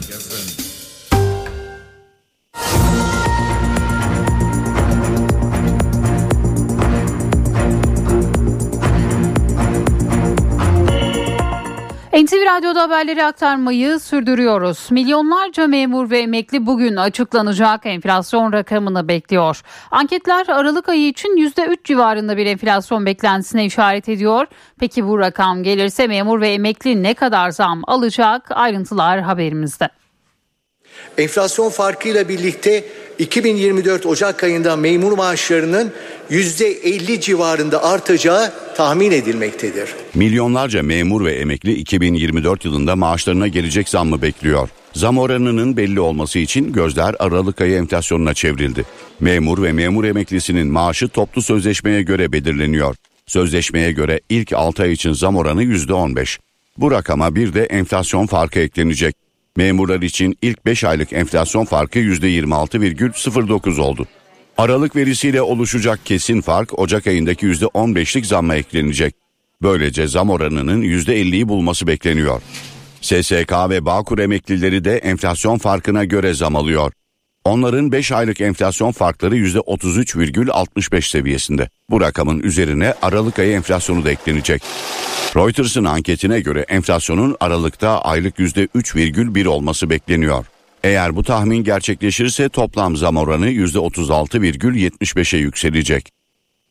İhracatta 2023 yılında Cumhuriyet tarihinin rekoru kırıldı. 255 milyar 809 milyon dolarlık ihracat yapıldı. Dış, tic- e, dış ticaret verilerini de açıklayan Cumhurbaşkanı Recep Tayyip Erdoğan, Suudi Arabistan'da yaşanan Süper Kupa krizini de değerlendirdi. Kardeş ülkelerin hedef alınması sabotaj girişimidir dedi. 2023 yılı ihracatımız geçen yıla göre yüzde 0,6 oranında artışla 255 milyar 809 milyon dolara ulaşarak Cumhuriyet tarihimizin rekorunu kırmıştır. 2023'te ihracatta Cumhuriyet tarihinin rekoru kırıldı. 255 milyar 809 milyon dolarlık ihracat yapıldı. İthalatsa 361 milyar 847 milyon dolar olarak gerçekleşti. 2023 senesinde ihracatın ithalatı karşılama oranı 0,8 puan artışla %70,7'ye yükseldi. Ülkemizin dış ticaret açığı geçen yıla göre %3,2 oranında geriledi. 2024 yılında mal ve hizmet ihracatımızı 375 milyar doların üstüne çıkarabileceğimize inanıyorum. Dış ticaret verilerini açıklayan Cumhurbaşkanı Recep Tayyip Erdoğan aynı programda Suudi Arabistan'da yaşanan Süper Kupa krizini de değerlendirdi. Asla tasvip etmeyeceğimiz nefret söylemleriyle insanlar, toplumlar, inançlar, ülkeler hedef alınıyor. Erdoğan zor zamanlarımızda yanımızda olan kardeş ülkelerin hedef alınması tesadüf değildir dedi. Sabotaj ifadesini kullandı. Bu nefret dalgasının Türkiye'ye yatırım yapan, zor zamanlarımızda yanımızda olan, ülkemizin en önemli ticari ortakları arasında yer alan kardeş ülkeleri hedef alması asla tesadüfi değildir. Burada Türkiye'ye ve Türkiye'nin çıkarlarına yönelik sinsi bir operasyon, çok açık bir sabotaj girişimi vardır. Futbol Federasyonu iptal edilen Süper Kupa'nın Riyad'da oynama fikrinin Suudi Arabistan tarafından geldiğini duyurdu. Gündemdeki tartışmalar hakkında yeni bir açıklama yapan federasyon iddialar asılsız ve art niyetli dedi. Siyasetin spora asla karışmaması gerektiğinin altını çizen federasyon Süper Kupa'nın Riyad'da oynanması teklifi federasyonumuza Suudi Media Company tarafından iletilmiş. Her iki kulübümüzün onayıyla imzaya taşınmıştır. Cumhurbaşkanımızın bu sürece herhangi bir şekilde dahil dahil olduğuna ilişkin bütün iddialar asılsızdır açıklamasını yaptı. Sürecin hiçbir aşamasında milli değerler ve Atatürk ilkelerinin tartışmaya açık olmadığını belirten federasyon, aksi iddialar art niyetli ve milletimizin bütünlüğünü hedef edinen provokasyon amaçlıdır ifadelerini kullandı. Necip Havlemitoğlu'nun öldürülmesi olayının şüphelilerinden Nuri Gökhan Bozkır yakalandı. Açıklama Emniyet Genel Müdürlüğü'nden geldi. Açıklamada Necip Havlemitoğlu'nun 18 Aralık 2002'de öldürülmesi olayının şüphelilerinden Nuri Gökhan Bozkır'ın terör örgütlerine silah sallama ve tasarlayarak adam öldürme suçlarından arama kaydı olduğu hatırlatıldı. Bozkır'ın dün Ankara'da terörle mücadele ve istihbarat şube ekiplerinin ortak operasyonunda yakalandığı kaydedildi. MİT operasyonuyla Ukrayna'da yakalanıp Türkiye'ye getirilen Nuri Gökhan Bozkır geçen Temmuz ayında firar etmişti. Hablemitoğlu davasında tutuksuz yargılanan Bozkır, Şanlıurfa'da görülen silah kaçakçılığı davasında 21 yıl hapis cezasına çarptırılmıştı. NTV Radyo Lübnan'ın başkenti Beyrut'un güneyinde Hamas'ın bürosu vuruldu. Drone'la yapılan saldırıda Hamas'ın iki numaralı ismi Salih Aruri'nin öldürüldüğü açıklandı. Saldırıda öldürülenler arasında Kassam Tugaylarından iki isim de var. Lübnan saldırıdan İsrail'i sorumlu tuttu. Gazze'de savaş sürerken Lübnan'ın başkenti Beyrut'tan patlama haberi geldi. Patlama Beyrut'un güneyinde Hizbullah'ın kalesi olarak bilinen Dahiye mahallesinde meydana geldi. Lübnan medyası İsrail'in Hamas'ın Beyrut'taki bürosuna drone saldırısı düzenlediğini duyurdu. Saldırıda Hamas'ın iki numarası Salih Aruri öldürüldü. Aruri, Hamas'ın askeri kanadı Kassam Tugaylarının kurucularından biriydi. Ekim 2017'de Hamas'ın polis büro başkan yardımcılığına getirildi. Yani siyasi kanatta İsmail Haniye'den sonra gelen isimdi. Aynı zamanda Batı Şeria'daki operasyonların da başındaydı. Hamas içinde güçlü ve etkili bir isim olduğu belirtiliyor. Hamas'ın 7 Ekim'de İsrail'e yaptığı saldırının planlanmasında büyük payı olduğu ifade ediliyor. Askeri kanadın daha militan hale getirilmesinde de rol oynadığı biliniyor. 2015'ten bu yana Lübnan'da yaşayan Aruri, Hizbullah lideri Hasan Nasrallah'la yakın temas halindeydi. Hamas heyetlerinde yer aldı, sık sık seyahat edip toplantılara katıldı. Amerika Birleşik Devletleri Aruri'yi 2015'te küresel terörist ilan etti. Mal varlığına el konulan Aruri hakkında bilgi getirene 5 milyon dolar ödül vaat ediyordu. Beyrut'ta bir binanın 3. katına yapılan saldırıda Aruri ile birlikte 5 kişi daha öldü. Öldürülenler arasında Kavsam Tugaylarının liderlerinden Semir Fendi Ebu Amir ile Azzam Akra Ebu Ammar da var. Saldırıya ilk tepki Lübnan Başbakanı Necip Mikati'den geldi. Saldırıyı kınayan Mikati, İsrail'in Lübnan'ı savaşa çekmek istediğini söyledi. Hamas ve İslami Cihat'tan saldırının karşılıksız kalmayacağı açıklaması geldi. İsrail'in Aruri'yi öldürmesinin direnişi sona erdirmeyeceği belirtildi. Filistin Başbakanı Muhammed İştiye de saldırıyı kınadı. Saldırı haberinin duyulmasının ardından Ramallah'ta büyük bir kalabalık toplandı. Filistinliler İsrail saldırısını protesto etti. Aruri'nin öldürülmesine İran'ın da tepkisi gecikmedi. Dışişleri Bakanlığı Sözcüsü Aruri'nin öldürülmesinin İsrail'e karşı direnişi teşvik edeceğini söyledi. İsrail, Hizbullah'tan gelebilecek misilleme saldırısı için alarma geçti. İlk yardım teşkilatına ve güvenlik güçlerine hazır ol talimatı verildi. İsrail Ulusal Güvenlik ve Maliye Bakanları Filistinlilerin Gazze'den çıkarılmasını istedi. Bu açıklamaya Amerika Birleşik Devletleri'nden tepki geldi. Amerikan Dışişleri Bakanlığı İsrailli bakanları sorumsuz olmakla suçladı. Yazılı açıklamanın hedefinde İsrail Ulusal Güvenlik Bakanı Ben Gvir ve Maliye Bakanı Betzalel Smordic vardı. Gazze'nin İsrailli yerleşimcilere açılması önerisinin tehlikeli ve sorumsuzca olduğu kaydedildi. İki bakandan bu tür konuşmalar yapmayı derhal bırakmaları istendi. Açıklamada Gazze Filistin toprağıdır ve öyle kalacak ifadeleri de yer aldı. Washington'a yanıt veren Bakan Ben Gvir ise Amerikan bayrağındaki yıldızlardan biri değiliz diyerek bağımsızlık vurgusu yaptı. Amerika Birleşik Devletleri Hamas ve İsrail arasındaki ara bulucu rolüyle dikkat çeken Katar'la askeri üs anlaşmasını yeniledi. Amerikan askeri 10 yıl daha Körfez ülkesinde bulunacak. Amerika ve Katar başkent Doha yakınlarındaki üssün kullanım süresinin uzatılmasında anlaştı. Reuters haber ajansına göre Amerika Katar'daki varlığını 10 yıl daha sürdürecek. Amerika'nın Orta Doğu'daki en büyük üssü Katar'da bulunuyor. Katar, Afganistan'dan çekilme sürecinde Amerika-Taliban görüşmelerine ev sahipliği yapmıştı. Doha yönetimi Hamas-İsrail müzakerelerinin yanı sıra kısa süre önce Venezuela ve Amerika arasındaki bir esir takasına da aracılık etmişti. İsrail'in Gazze'ye saldırıları prestijli Amerikan üniversitelerinin rektörlerini koltuğundan etti. Kampüslerdeki Filistin'e destek gösterileri yüzünden eleştirilen Harvard rektörü Colin Gay istifa etti. Daha önce de Pensilvanya Üniversitesi'nin yöneticisi görevinden ayrılmıştı. Amerika Birleşik Devletleri'nde öğrencilerin Filistin'e destek gösterileri üniversite yönetimlerini zor durumda bıraktı. Pensilvanya Üniversitesi rektörünün ardından Harvard yöneticisi Claudine Gay, kongrenin baskısı yüzünden istifa etti.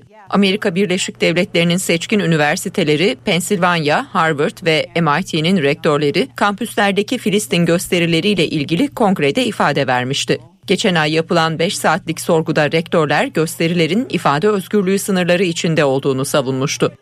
Claudine Gay, kongre oturumundan sonra ırkçı saldırılara uğradığını söyledi. İstifa etmem Harvard'ın çıkarları açısından en iyisi olacak diye konuştu. Rektörün doktora tezindeki bazı alıntılarda hata yaptığı da belirlendi. Gay intihar suçlamalarını reddetti. Harvard'ın ilk siyahi rektörü olan Claudine Gay sadece 6 ay bu görevde kalabildi. Üniversite tarihinin en kısa süreli yöneticisi oldu. Pensilvanya Üniversitesi rektörü Liz McGill de geçen ay istifa etmişti. Futbol dünyasından ünlü isimlerinde mağdurları arasında olduğu milyonlarca dolarlık gizli fon dolandırıcılığı davasında tutuklu sanık Seçil Erzan'ın telefondaki me, telefonundaki mesajlar incelendi. 553 sayfalık bilirkişi raporu oluşturuldu. Rapordaki yer alan detaylara bakalım şimdi. Seçil Erzan'ın telefonu açıldı. 181.538 mesaj tek tek incelendi. Yüksek karlı gizli fon dolandırıcılığı yapmakla suçlanan Seçil Erzan'la birlikte tutuklu 7 sanığın yargılandığı davada Erzan'ın dosyadaki kişilerle mesajları ortaya çıktı. Erzan'ın gözaltına alınmadan önce kırdığı iddia edilen telefon mahkemenin talebiyle incelenerek 553 sayfalık bilirkişi raporu oluşturuldu. Rapordaki yazışmalar dikkat çekti. Seçilcim ne yaptın? Beni insanlara nasıl rezil edersin? Senin için gittim borçlar istedim. İnsanların gözünde ne hale düştüm. Ne desen haklısın şu an çok ama çok özür dilerim. İki çocuğum ve ailem var. Ben sana verdiğim sözde duramadım mı da bu muameleyi görüyorum. Düştüğüm hale bak. Dilenci oldum. İncelenen mesajlarda aynı zamanda Arda Turan'ın eşine hediye çanta almak için Seçil Erzan'dan para istediği ortaya çıktı. Bir 30-40 bin dolar çıkar mı kredi kartına yatırsak? Aslıhan'a şu çantayı alsam. Çantayı alıyor musun? Ona göre biri bana gelebilir canım. Alacağım, gönderiyorum. Çektirdim karttan ama hiç limitim kalmadı. Bilirkişi raporunda Erzan'ın futbolcuların tercümanı Musa Merçetin'den Mustera ve Lukas Podolski'yi fona katılmaya ikna etmesini istediği yer aldı. Çetin'in Erzan'la bir yazışmasındaysa Muslera'nın Fatih Terim'i aramasından korktuğunu söylediği dikkat çekti. Bir telefon ve sim kart üzerine yapılan araştırma sonucunda rapor oluşturuldu. Erzan'a ait parçalanmış bir telefon açılarak telefonda bulunan 1972 ayrı hesap ve numarayla yapılan 181.538 mesaj incelendi. Aynı zamanda telefondan internet üzerinden Gürcistan'dan para, Gürcistan'dan para birimi, 1 kilogram altın kaç lira şeklinde aramaların yapıldığı belirlendi. Öte yandan raporda Seçil Erzan'ın sim kartının belirttiği şifreler denenmesine karşın açılamadığı, adli bir işin programıyla da açılamadığı için içeriğine ulaşılamadığı kaydedildi. Kocaeli'de bir fabrikada işçilerin yemek ve servislerinin kesildiği iddia edildi. Fabrikada işçilere yönelik gösterilen kötü muamele görüntülere de yansıdı. Çalışma ve Sosyal Güvenlik Bakanlığı soruşturma başlattı. İşçinin elinden kağıtları aldı yüzüne fırlattı. İddiaya göre çalışanların yemeği servisi kesildi. Çalışma ve Sosyal Güvenlik Bakanlığı soruşturma başlattı. Açız herkes burada açız. İnsanlara yemek verilmeyecek kardeşim. Gidin e, dışarıda bir yer bulun. Tamam mı? Ekmek arası. Böyle bir şey yok. Burası Evet. Özel mi? Tamam mı? Tamam. Kargeni. çalışamayız. Evet, tamam. Açız. Buranın sahibinin dediği olacak. Kocaeli'de bir galvaniz firmasında işçiler sözleşmelerinde yer alan maddeye dayanarak kışlık kıyafet istedi. Ancak iddiaya göre fabrikanın patronu talebe karşılık işçilerin yemeğini ve servisini kesti. Açız. Herkes burada açız. İnsanlara Yemek verin gidecek kardeşim. Gidin e, dışarıda bir yer bulun. Tamam mı? Ekmek arası. böyle bir şey yok. Burası Evet. özel mi? Tamam mı? Tamam. Kargeni. çalışamayız. Evet, tamam. Açız. Buranın sahibinin dediği olacak. İşçilere Kartepe Belediyesi destek oldu. Otobüsün geçmediği bölgeden işçilerin ulaşımı belediye tarafından sağlanan araçlarla karşılandı. Başka bir görüntüye ise fabrika patronuyla görüşmeye giden bir işçinin yaşadıkları yansıdı. Patronun işçinin elindeki kağıtları alıp ona fırlattığı görüldü. İşçi sendikaları fabrikada yaşananları protesto etti. Çalışma ve Sosyal Güvenlik Bakanlığı fabrikaya müfettiş gönderdi, soruşturma başlatıldı. Sigara fiyatlarına zam geldi. Bir sigara grubuna gelen 3 liralık zamla birlikte en ucuz ve en pahalı sigara fiyat listesi de güncellendi. Zamla birlikte değişik markalardaki en düşük sigara fiyatı 50 liraya çıktı. En pahalı sigara ise 60 liraya yükseldi. Satışlar bugünden itibaren güncellenmiş fiyatlar üzerinden gerçekleştirilecek. Aralık ayı sonuna kadar balık severlerin yüzünü hamsi güldürmüştü. Bol bol yakalandı, ucuz fiyata satıldı. Beklenen soğuklar gelmeyince yeni yılla birlikte o da zamlandı. Hamsi bir anda yükseldi şu an. Yani azaldı hamsi. O yüzden bir fiyatlar biraz fark etti. Yemeği seviyorum ama fiyatlar zaten almış başını gidiyor. Bazen iyi bazen kötü. Bir türlü soğumayan hava sıcak geçen kış balık tezgahlarını vurdu. Denizden hamsi çıkmadı fiyatları da uçtu. Uzun uzun incelediniz. Nasıl balıklar? Harikulade ve aldık da efendim. Fiyatlar nasıl? Piyasa şartlarına göre bence pahalı değil de biraz zayıf e, kraker gibi hamsiler var. E, bunlar da çok çok ufak. Çubuk kraker gibi şeyler yani. Hamsiler. Ne, nesini yiyeceksiniz bunu? Hamsinin kulağına bırakın kar suyunu soğuk su bile henüz kaçamadı. Yani havalar sıcak ve ılık bu yüzden de denizden az sayıda hamsi çıkmaya başladı. Haliyle fiyatlarını da etkiledi. Örneğin geçtiğimiz güne kadar hamsinin kilosu 100 liraydı ama şu anda baktığımız zaman 150 lira. Hemen yanında mezgiti görüyorsunuz. Onun da kilosu 250 lira ve istavrit o da 200 lira. Geçen senelere rağmen artık hiç kimse yiyemiyor. Şimdi mesela geçen sene bu zamanda kar vardı. Şimdi şuraya bak yaz havası. 100 lira bir 10 lira gibi olmuş. 200 lira bir 20 lira gibi olmuş. E bu insanlar 150 lira bir kilo balık, 2 kilo balık al zaman bütün hayat planları alt üst oluyor yani. Asıl sorun balığın azalması, ekosistemin azalması. Yani küçücük küçücük hamsiler, şeyler, tekiller var. Niye? Asıl sıkıntı tam olarak burada. Yoksa gelecek nesil balığın B'sini bilmeyecek. Dünyanın en lezzetli yiyeceğini bilmeyecekler. Sadece hamsi değil diğer balıklar da ılık havadan etkilendi. Hatta bazı balıklar tezgahlara artık gelmemeye başladı. Mesela lüfer balığı bu sene yok. Çinokop yine yok. Şu an lüferin tam mevsimi zamanında. Eğer olsa fırtınayı sefer lüfer. Sıcağı sevmez. Balık çok çıkarsa fiyat düşer. Azalırsa fiyat yükseliyor. O zaman ne diyelim? Allah sorumuzu hayretsin. Allah O kafayı bekliyoruz. Evet inşallah gelir. CNN Travel 2024 yılında seyahat etmek isteyenler için ilham verici yerler listesi hazırladı. Listede Türkiye'den Karadeniz bölgesi de var. CNN Travel 2024 yılı için bir seyahat listesi hazırladı. Bu yıl keşfedilmeyi bekleyen yerler arasında Türkiye'den Karadeniz kıyıları da var. İklimi, manzarası, çayı ve tarihiyle dikkat çeken Karadeniz bölgesi, seyahat severler için 2024'te mutlaka ziyaret edilmesi gereken yerler arasında yer aldı. Gölgede kalmış veya keşfedilmeyi bekleyen yerleri öne çıkaran listede Karadeniz'in ülkenin çok farklı bir yanını sunduğuna dikkat çekildi. Bölgede tarihi kasaba ve köylerin yanı sıra plajlar ve adrenalin üreten aktivitelerinde bulunduğu belirtildi. Karadeniz'in yaz aylarında Türkiye'nin daha bunaltıcı bölgelerinden serinletici bir kaçış olduğuna vurgu yapıldı.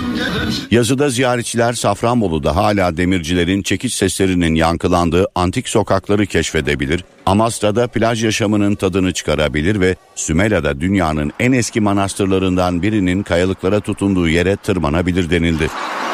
Listede Karadeniz dışında 22 lokasyon daha yer aldı. Balkanlarda Transdinarica bisiklet rotası Arnavutluk ve Makedonya listeye girdi. Güney Kore, Şili, Angola, Panama, Fas, Grönland ve Özbekistan dikkat çeken diğer ülkeler oldu.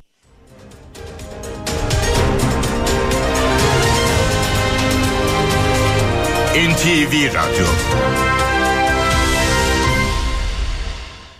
HDI Sigorta İstanbul'un yol durumunu sunar.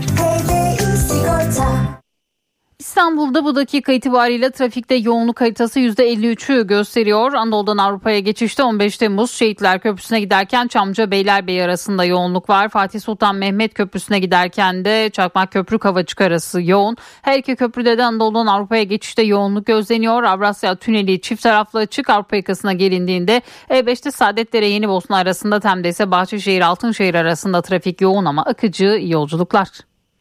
HDI Sigorta İstanbul'un yol durumunu sundu. HDI Sigorta